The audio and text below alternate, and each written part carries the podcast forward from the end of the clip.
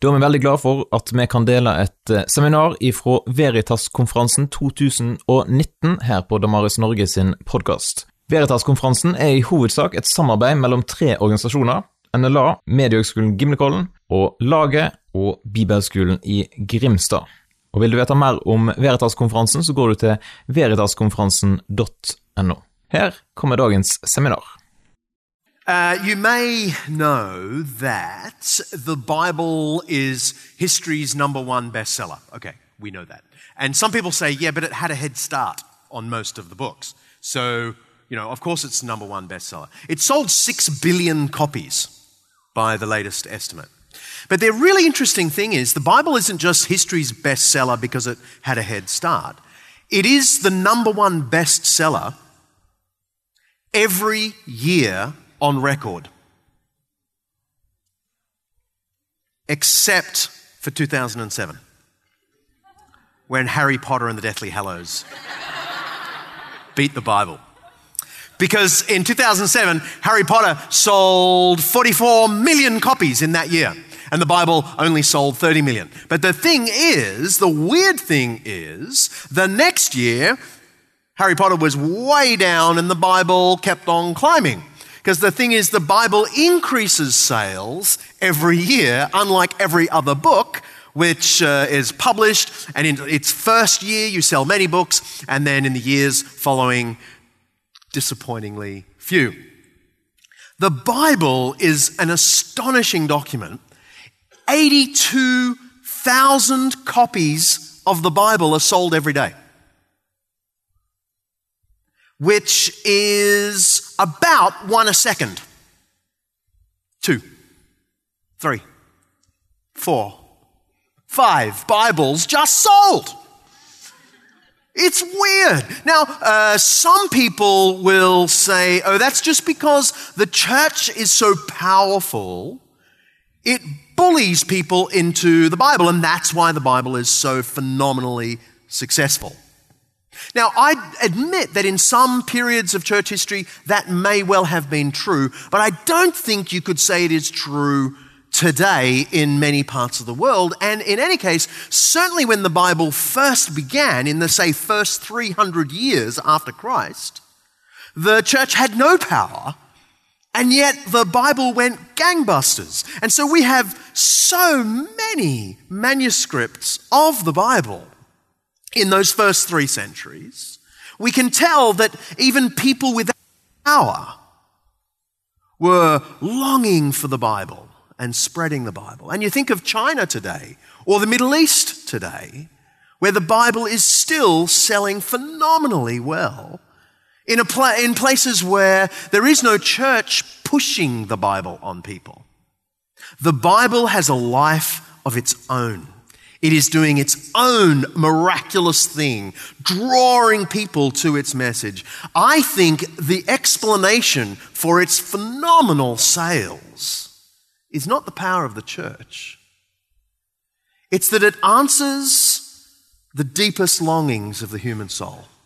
The Bible's core story answers the deep longings. Why the beauty of the world? What to make of the ugly in the world. What is the resolution to the ugly? And where is God in it all? And I want to take these in turn and try and explain how the Bible answers these four profound questions. Firstly, then, why the beauty? You may not have thought of this before, but there is a problem of beauty just as much as there is a problem of evil. I know people um, raise the problem of evil and pain as they should do, but actually, there's a more profound problem of why there's beauty and order in the first place. In fact, it's only because we can recognize there is a profound order to the universe that we know something's wrong. There is a prior problem of beauty before there is a problem of pain. It's a little bit like a dripping tap. We notice the dripping tap and we cry out, Oh, why the dripping tap? Well, maybe you don't. But there's a more profound mystery than the dripping tap, and that's the fact that the tap works at all. The mystery of the working tap is even more profound than the dripping tap. So there is a problem of beauty and order in the universe. Our universe is marked by extraordinary rational order and elegance. And I know John Lennox has uh, uh, given messages to you guys in the past, and he will have underlined this beautifully. From the smallest particle to the furthest reaches of the cosmos, there is a weird mathematical beauty in everything. And this is not just aesthetic and subjective. You know, it isn't just that people look at sunsets or at the beautiful Norwegian coast and say, oh, that makes me feel good. We can actually describe reality in the beauty of mathematics, in the objective language of mathematics. And that same mathematical elegance is present in the particle, just as it is present in the cosmos. There is a problem of beauty and order that is fundamental to everything. The observation of primitive man, who looked out at the stars and noticed that there was some elegant order behind everything, is now even more profoundly evidenced in our scientific era. People often say science has pushed God out of the arena. That just sounds nuts to my mind. Because actually, what is the discoveries of science? The discoveries of science are about deeper and deeper knowledge of the mathematical orderliness and rationality of, of everything. And that only points to God, not away from God. And most impressive of all, of course, is that, that the rational order out there matches the rational order in here. That this universe of rational order has produced minds that now can recognize the order. The whole thing looks like a setup. I love what Einstein said about all of this. Now, Einstein was not a Christian, but he certainly wasn't an atheist either. And he often said things like this We're in the position of a little child entering a huge library filled with books in many languages. The child knows that someone must have written the books. As he looked at the universe, it looked like a setup. Or he said, one may say the, the eternal mystery of the world is its comprehensibility. That is, the fact that we can even recognize the order is to him a mystery. Now, why am I saying all this? Because the Bible's first theme, first message, is the goodness, beauty, and orderliness of everything. The Bible's opening theme is the orderly nature of nature. Uh, I hardly need to quote this passage. Genesis 1 1 31 repeats the word good seven times. So, you know, anyone reading Genesis 1 who, who isn't distracted by the kind of modern scientific questions that often get in the way of us reading Genesis chapter 1, but if you were in the ancient world and you read Genesis 1, the most striking thing, apart from the fact that it says that there's just one God, the most striking thing would be the claim that it's good. God made the light and it's good. He made the land and the ground and they're good. He made the vegetables and they're good. The great lights and they're good. The creatures, they're good. The wild animals, they're good. And just in case you missed the point, the last thing it says is God saw all that He had made and it was very good. Now, repetition isn't the most stylish literary uh, technique, but it's one you can't miss. And the reason it seems that Genesis comes out with this strong claim of the orderliness and goodness and beauty of reality is that many people doubted that in the ancient world. You may have heard of Enuma Elish. It was a famous creation story amongst the Babylonians. But there were many other stories like this. And often the point of the stories is that things are accidental and haphazard.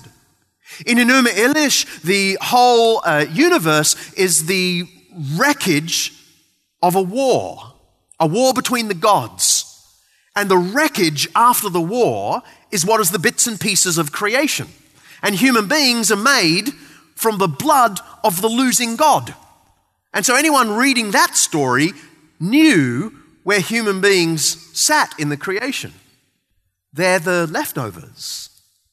And creation is accidental. And it's against that kind of logic that the Bible comes along in its opening page and says, everything's good. It's good. It's good. It's good. It's good. It's good. And in case you missed that, it's very good. Many pagans in the ancient world devalued creation.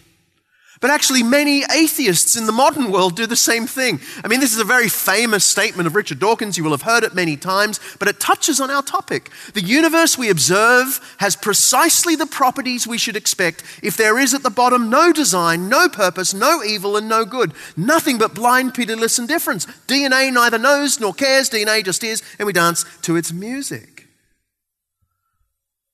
And it's against modern atheistic views of the accidental, haphazard nature as much as ancient views of the accidental, haphazard nature of creation that the Bible comes along and says, everything's good. It's come from a good God. Life, therefore, is suddenly brimming with significance. Yes, there's a dripping tap. But there is a working tap behind it that is mysterious. And the difference this makes to our lives, if you believe it, I think is one of the reasons people are drawn to the Bible. Because it changes everything. It means that the body and buildings and climate and the sea and food matter. They matter. They are important. They are not accidents with no value. They are gifts from the hand of a creator. If I can put it like this this wooden carving sits on my shelf in my home office. And you may look at that and think, oh, it's not very good. It's that famous proverbial Indian monkey thing of uh, see no evil, hear no evil, speak no evil. It's handcrafted, uh, the little monkeys are nailed into their base. Uh, I quite like it. But how much do you think I would get at what I call a garage sale? Do you have these garage sales, you know, where you just try and flog off stuff in your house? You know, five krona, you know, that sort of thing. Just take it, whatever. I don't know how much I'd get for this. Maybe $5? Anyone want to raise on that? No? But is it worth $5 to me or $10 to me? No. This was a gift from my father uh, the year he died. So this sits on my shelf, brimming with significance. I love the material nature of it, yes. But I get the material nature of it plus the knowledge that this is a gift of a father. And, and, what the Bible teaches is that human beings can live and walk in the world, experiencing nature, experiencing one another as gifts of a Father. The beauty, I think, is one of the important themes that draw people toward the biblical story. But, of course, the Bible's second theme is what to make of the ugly. But I just want to emphasize that there is only a problem of ugly because we accept the beauty. We don't expect things to be fundamentally disordered and get surprised when they're ordered. It's entirely the other way around. It's because we know there is a basic order to everything that we look at the world and notice the ugly. Let me give you an example. My first experience of the ugly in this world. Let me read to you from the Evening News of India, Tuesday, October 12, some years ago. All 89 passengers and six crew members were killed when an Indian Airlines plane bound for Madras crashed within minutes of takeoff at Santa Cruz Airport at 1:40 a.m. today. The plane was only 3 minutes airborne when its pilot noticed a fire in one of the engines. He was reported to have told air traffic control of the fire and said, I'm coming back. Eyewitnesses, including friends and relatives who had come to see the passengers off, saw the plane burning in the night sky like a red ball before it crashed. The passengers had no chance. I remember the night like it was yesterday, actually. The phone rang, my mum took the call to hear the news that she'd been dreading ever since she heard on the radio earlier that day about a, about a plane crash in India. The news that my dad was on the plane and he was gone. The days after the accident are a blur to me. I was only nine. But my mum tells me that three days after the accident, I went up to her and I said, Mum, why did God let dad's plane crash? Now, the weird thing about that is I'd never been inside a church, not once. Our family never said grace around the meal table. I was never sent to Sunday school. But even this entirely secular Aussie kid knew the right question to ask, knew that there was something wrong with the universe, that the tap was meant to work.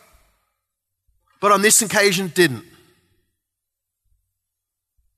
I don't tell you that story so you feel sympathy for me. I, I simply raise it to say, even an irreligious culture, an irreligious community, indivi- irreligious individual can detect that there's something wrong, that there is order that sometimes goes very wrong.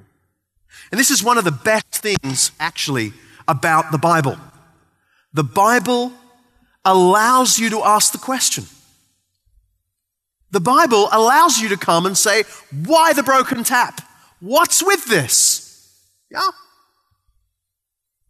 And it's everywhere in, in the scriptures, like in Psalm 23, we get, The Lord is my shepherd, I shall not be in want, he makes me lie down in green pastures. But in the psalm before it, we get, My God, my God, why have you forsaken me? Have you ever pondered this? It's extraordinary that the psalm before the famous Psalm 23 has a completely different message. And, and I think one of the points that is so clear in the Bible is that sometimes the cry, My God, why? is just as much an expression of faith as being able to say, The Lord is my shepherd. And it is, I think, one of the most inviting things about the Bible that it is so clear about the fallenness of things, about the dripping tap. The second theme of Scripture is that ugliness has set in to the beauty. And we see it, of course, in Genesis 2 to 3. And I don't want to get sidetracked with the kind of modern questions people often ask about these passages in light of modern scientific questions, because ancient people will have never asked those questions. They will have seen in Genesis 2 and 3 a bold, open confrontation with the ugliness of the world. Where Adam is given instructions, Adam defies God and a fallenness sets in, so that the ground is cursed, so that Adam and Eve are alienated from one another, from God, and from the creation itself. The Bible doesn't so much give a philosophical explanation for it all, but it does say, We hear your pain. We recognize the broken tap. Now, much could be said about the curse in the ground, about the fallenness in creation itself. That would be worth a whole lecture. But I want to zero in on the other thing that this passage uh, treats, and that is that the fallenness is not only in stuff, but it's in my heart. I want to talk for a moment about the Bible's depressing news that we're all fallen, sinners. Because uh, I think some of us get shy about this message in public. And we try and uh, make Christianity a more upbeat thing, that it's all about your fulfillment, and we're just chasing the world. When actually, the Bible's second theme is you are fallen. You are all Adam. Now, I know this theme has been abused. Yeah, the, people, uh, the, the, the pulpit is thumped by the preacher. You sinners, you rotten, you know, almost with a smile on his face. And that is deeply problematic. And I acknowledge the church has made many mistakes in this area of human, sinfulness, human fallenness, many mistakes. But that shouldn't detract from the, from the fact that this so resonates with our actual experience the fallenness of all things. I think there is something utterly compelling about knowing our doctrine of sin. First, it helps me understand myself. Because here's the thing every human being instinctively values herself or himself. And our doctrine of creation gives us that. But every human being in their most honest moments also knows they hardly live up to their own expectations, let alone any objective moral expectations out there. And here's where the Bible says, You are fallen. I would hate to live by the secular myth that I am good through and through and only getting better. You know, that kind of progressive thing. We're all on a march toward things getting awesome. You know, as a culture, as a society, as families, as individuals, I'm good through and through and I'm only getting better. That would depress me no end. Because I don't know how I could avoid all the counter evidence I have in my life. All the contrary evidence by about 9 a.m. every day telling me that I'm not good, at, good through and through. Imagine having the burden of thinking I'm good. I'd much rather be told on page three that you're fallen. And the sooner you know that about yourself, the more realistic and authentic you can be.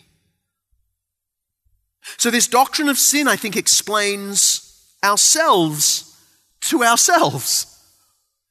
But more than that, the Bible's doctrine of human fallenness provides an almighty corrective to false religion. This is one of the most beautiful aspects of the theme of ugliness throughout Scripture. And that is, even the most pious religious people can be horrible. And this is everywhere in Scripture, in the Old Testament and the New Testament.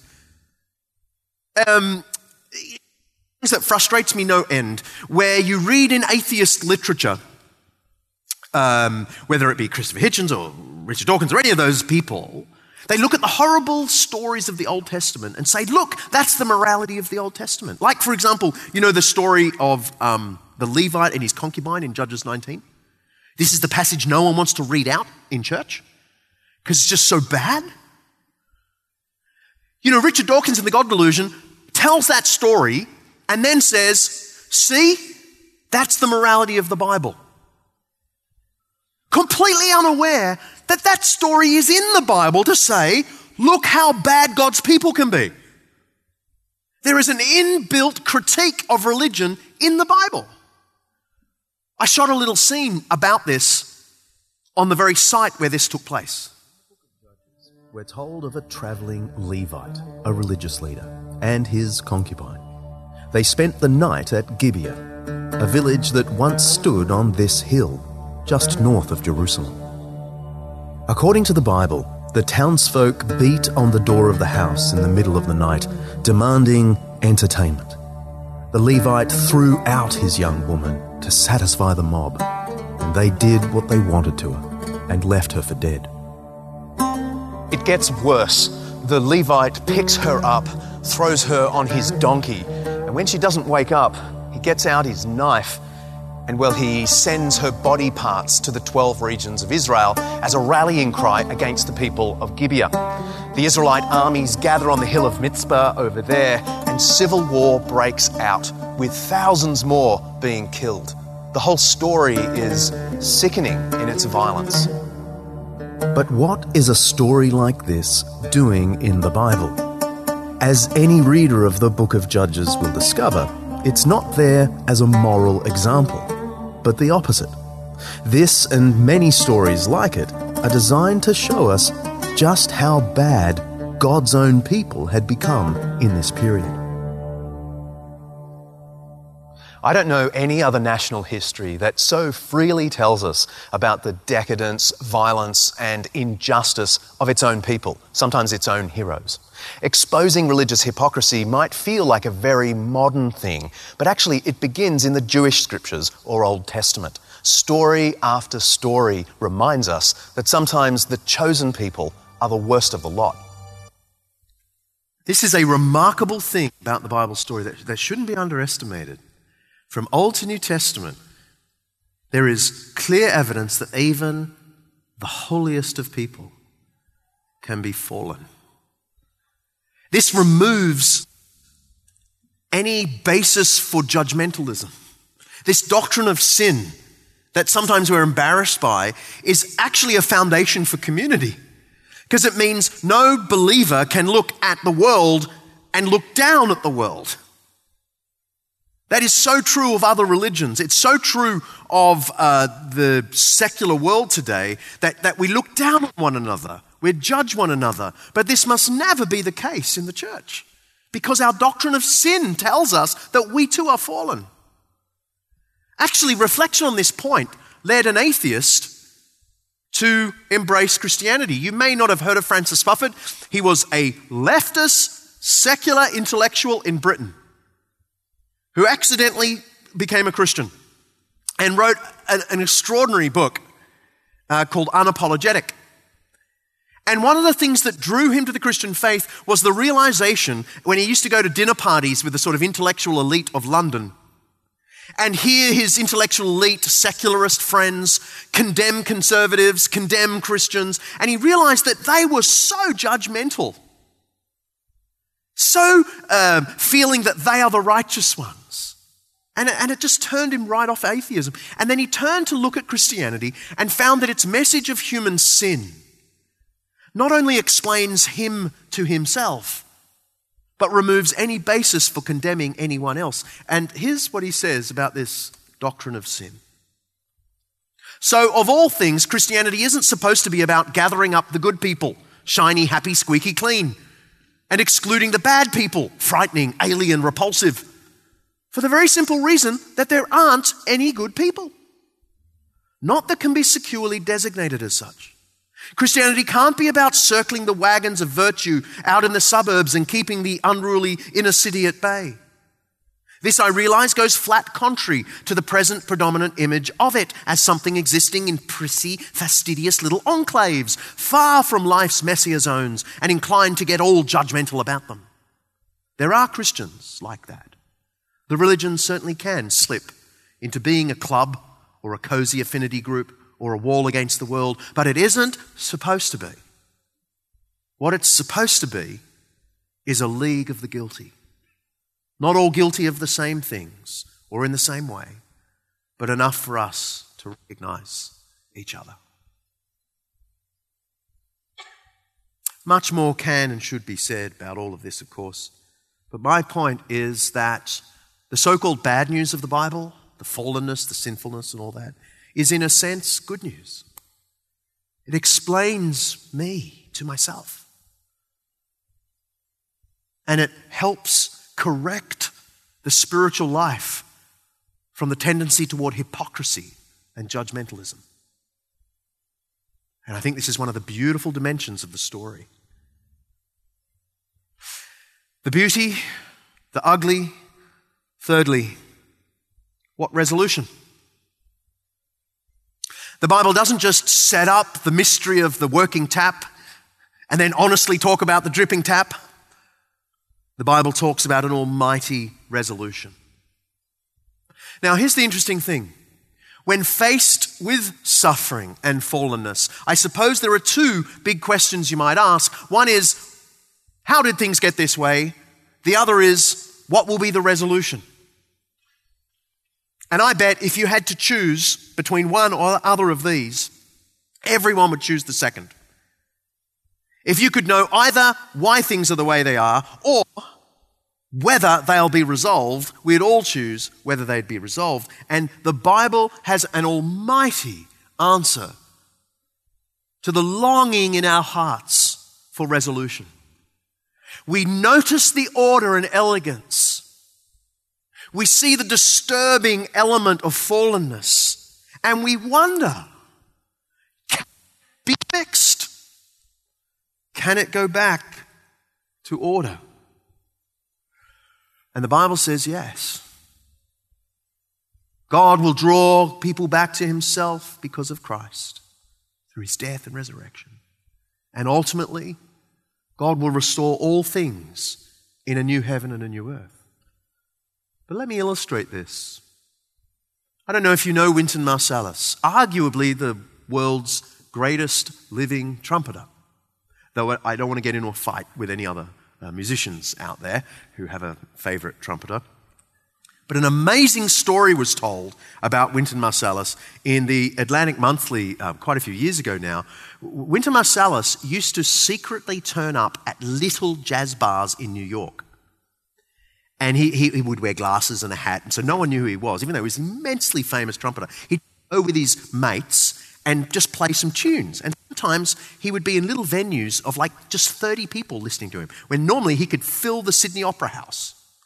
And he was there one night on a sleepy Tuesday evening, and there's just 20 people in the venue, but there happened to be a music journalist there at the venue. And he noticed that this trumper, trumpeter was a lot better than you would normally get in a place like this. And he's looking, and in the fourth track, Wynton Marsalis steps forward and plays a beautiful ballad, and the journalist works out exactly who it is.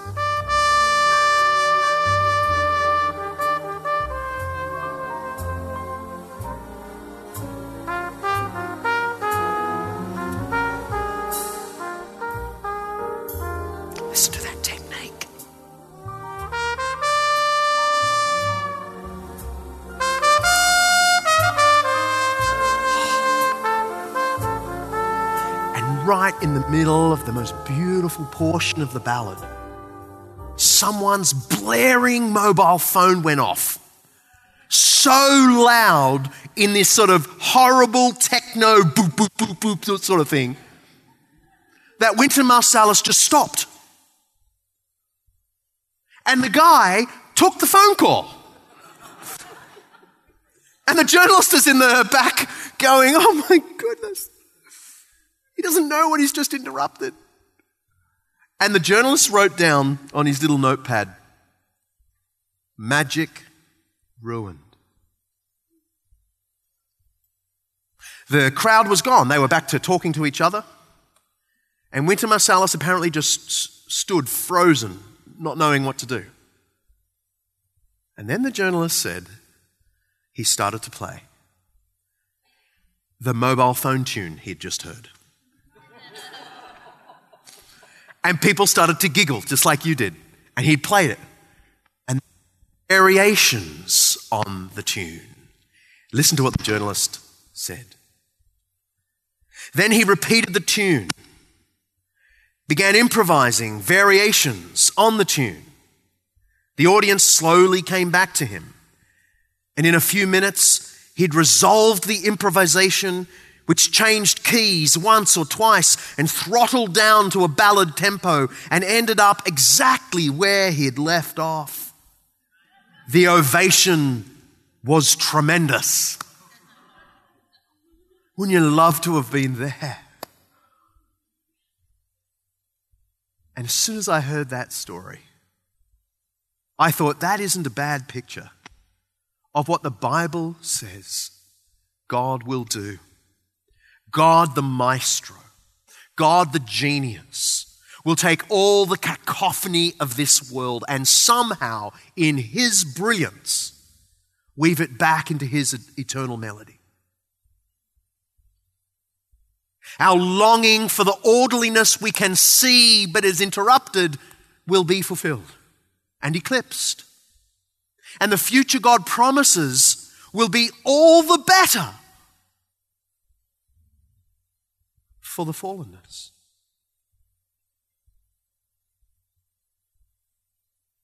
And the Bible says the resurrection of Jesus in history is like the first notes of the improvisation back to the eternal melody. The resurrection is God's down payment. The New Testament says the first fruits of the renewal of all creation. And when people come to believe in the resurrection, they have a reason to trust what God will do in the end. We can hear the melody again. God overthrowing injustice, God breathing life where there is death. And so we trust that He can take the song to that beautiful place. It's a little bit like when you read an author, a good, trusted author, a brilliant author in a novel, and you get halfway through the novel and it is so tragic. But there are enough indications in the novel that you can trust yourself to the author. You don't stop at page 200. You keep turning the page because there are enough indications that this author can resolve the discord that this author can bring it back to a glorious conclusion that is all the better for the tension in the middle. That is what the Bible promises. That God will take every tear and turn it into joy. God Himself will be with them and be their God. He will wipe away every tear from their eyes, says Revelation 21. There will be no more death or mourning or crying or pain, for the old order of things has passed away. He who is seated on the throne said, I am making everything new. It's only at the climax of the Wynton Marsalis story that you know what kind of story you're really in.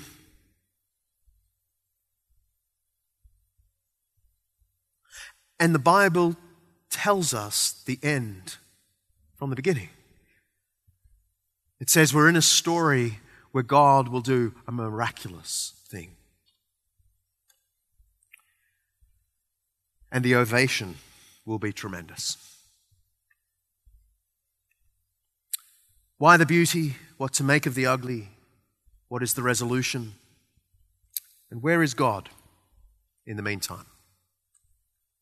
You know, the most practical question people ask when they're experiencing the ugliness of the world, the sadness of the world, is actually where is God?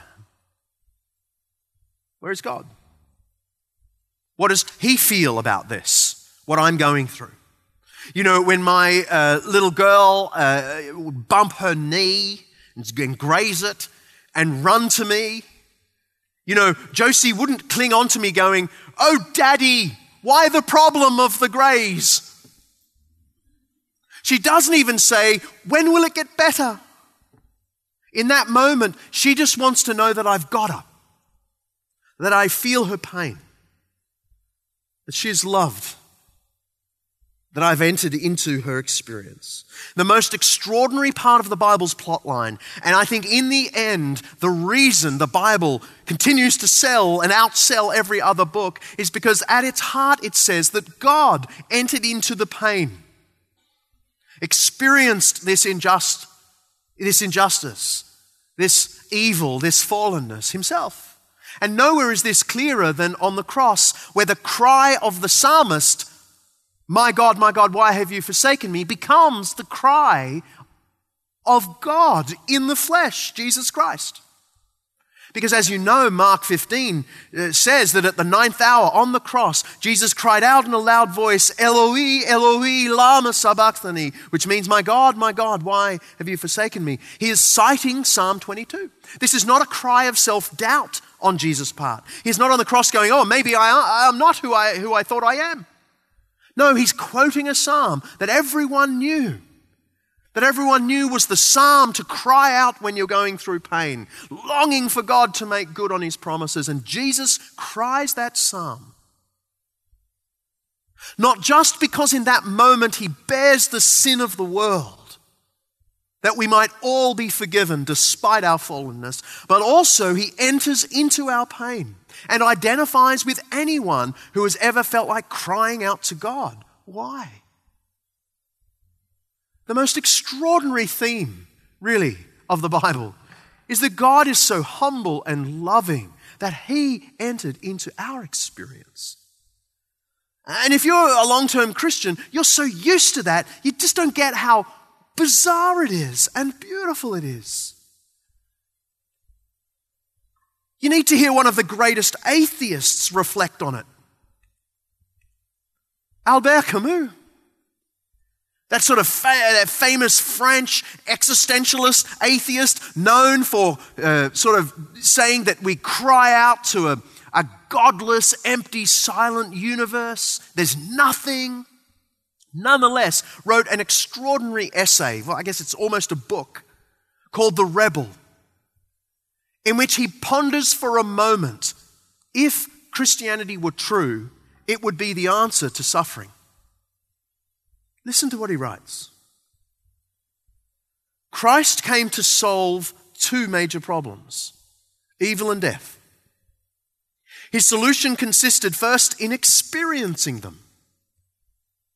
The man God suffers too, with patience. Evil and death can no longer be entirely imputed to him, since he suffers and dies. The night in Golgotha is so important in the history of man only because in its shadow the divinity abandoned its traditional privileges and drank to the last drop despair, the agony of death. Albert Camus is such an interesting character because there were rumors he was meeting with a Parisian pastor to read the Gospels shortly before he died. He died too young in a random car accident. And there's, there's, we can't really work out what to do with the rumors about him meeting and to read the Gospels. But boy, oh boy, did he get one of the most extraordinary themes of the Bible. God has entered sin and death. And so, although we might not be able to explain everything about the fallenness of the universe, we can look at God and see that God is tender toward us, that God has got us. You know, my most profound sorrow over losing dad was not when I was nine, it was when I was 18. I'd become a Christian just two years before, and at 18, I began to see some of my friends become friends with their dads. There's this really weird thing that happens around 18 years of age, especially among boys with their dads. They suddenly work out that their dads aren't complete idiots after all. It's like the dads really improve when the kids get to 18. And I began to see my friends become friends with their dads, and that's when I had a real crisis because I, I just, I knew I'd never have that. And I wobbled on the edge of the Christian faith for about six months. Because I found myself thinking, not so much, you know, God, you're not there, but like, God, what do you care? What do you know of what I'm feeling, the kind of the doubts and the sorrows and the emptiness? And then a friend took me aside and said, John, it's okay to cry those cries, to, to, to have those doubts, to cry out to God. It's okay to do that, but you must do it looking at the cross. You must do it looking at the cross. Because on the cross, you see the tender love of God for us giving himself for our sins, but entering into our pain as well.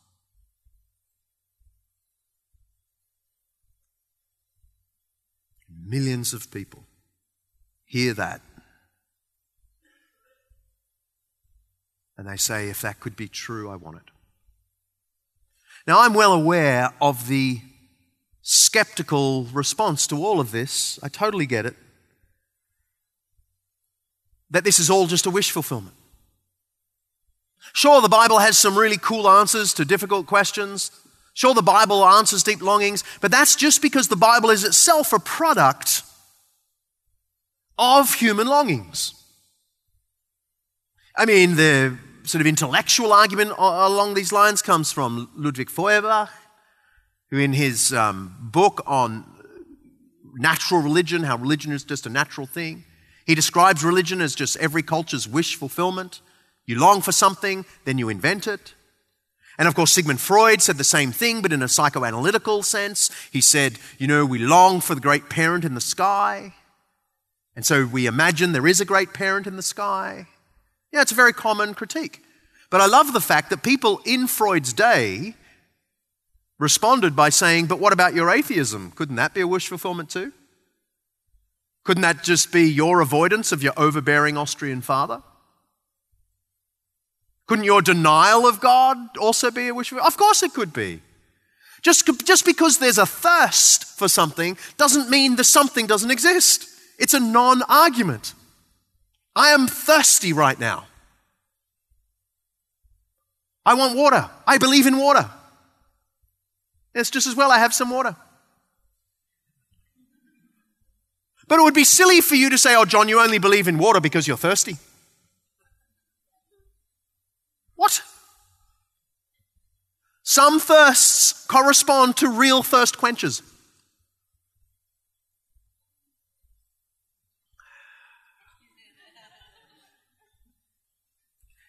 And this is what St. Augustine said in the opening paragraph of his monumental confessions. Man is one of your creatures, Lord, and his instinct is to praise you.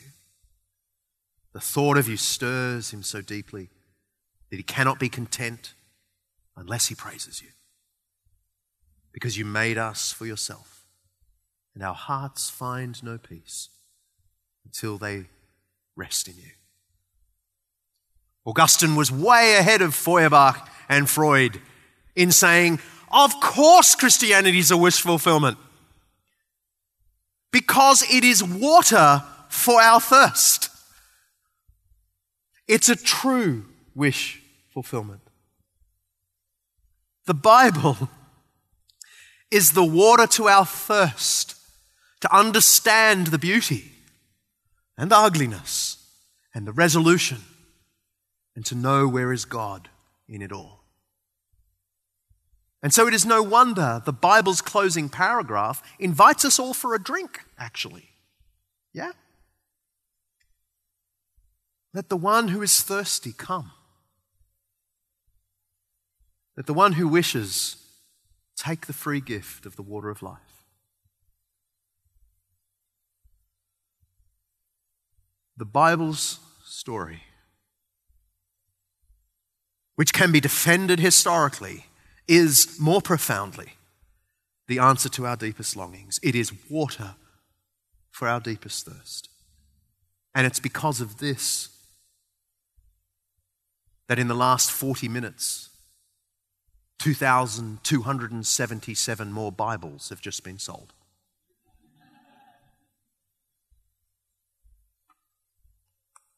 Lord, please speak to us.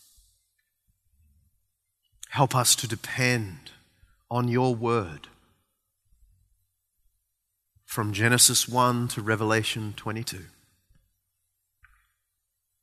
To find in you water for our thirst. And help us, Lord, pass that free gift of water on to others. Give us such a depth of confidence in your grace. That we might step out into this skeptical world, cheerful, humble, bold,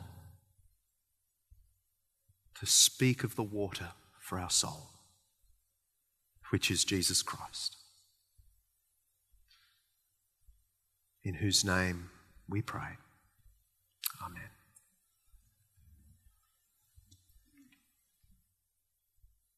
Takk for at du lytter gjennom dette seminaret her. Og Skulle du ønske at flere fikk med seg det gode innholdet, ja, da kan du jo faktisk dele seminaret med noen, eller tipse dem om seminaret i sosiale medier.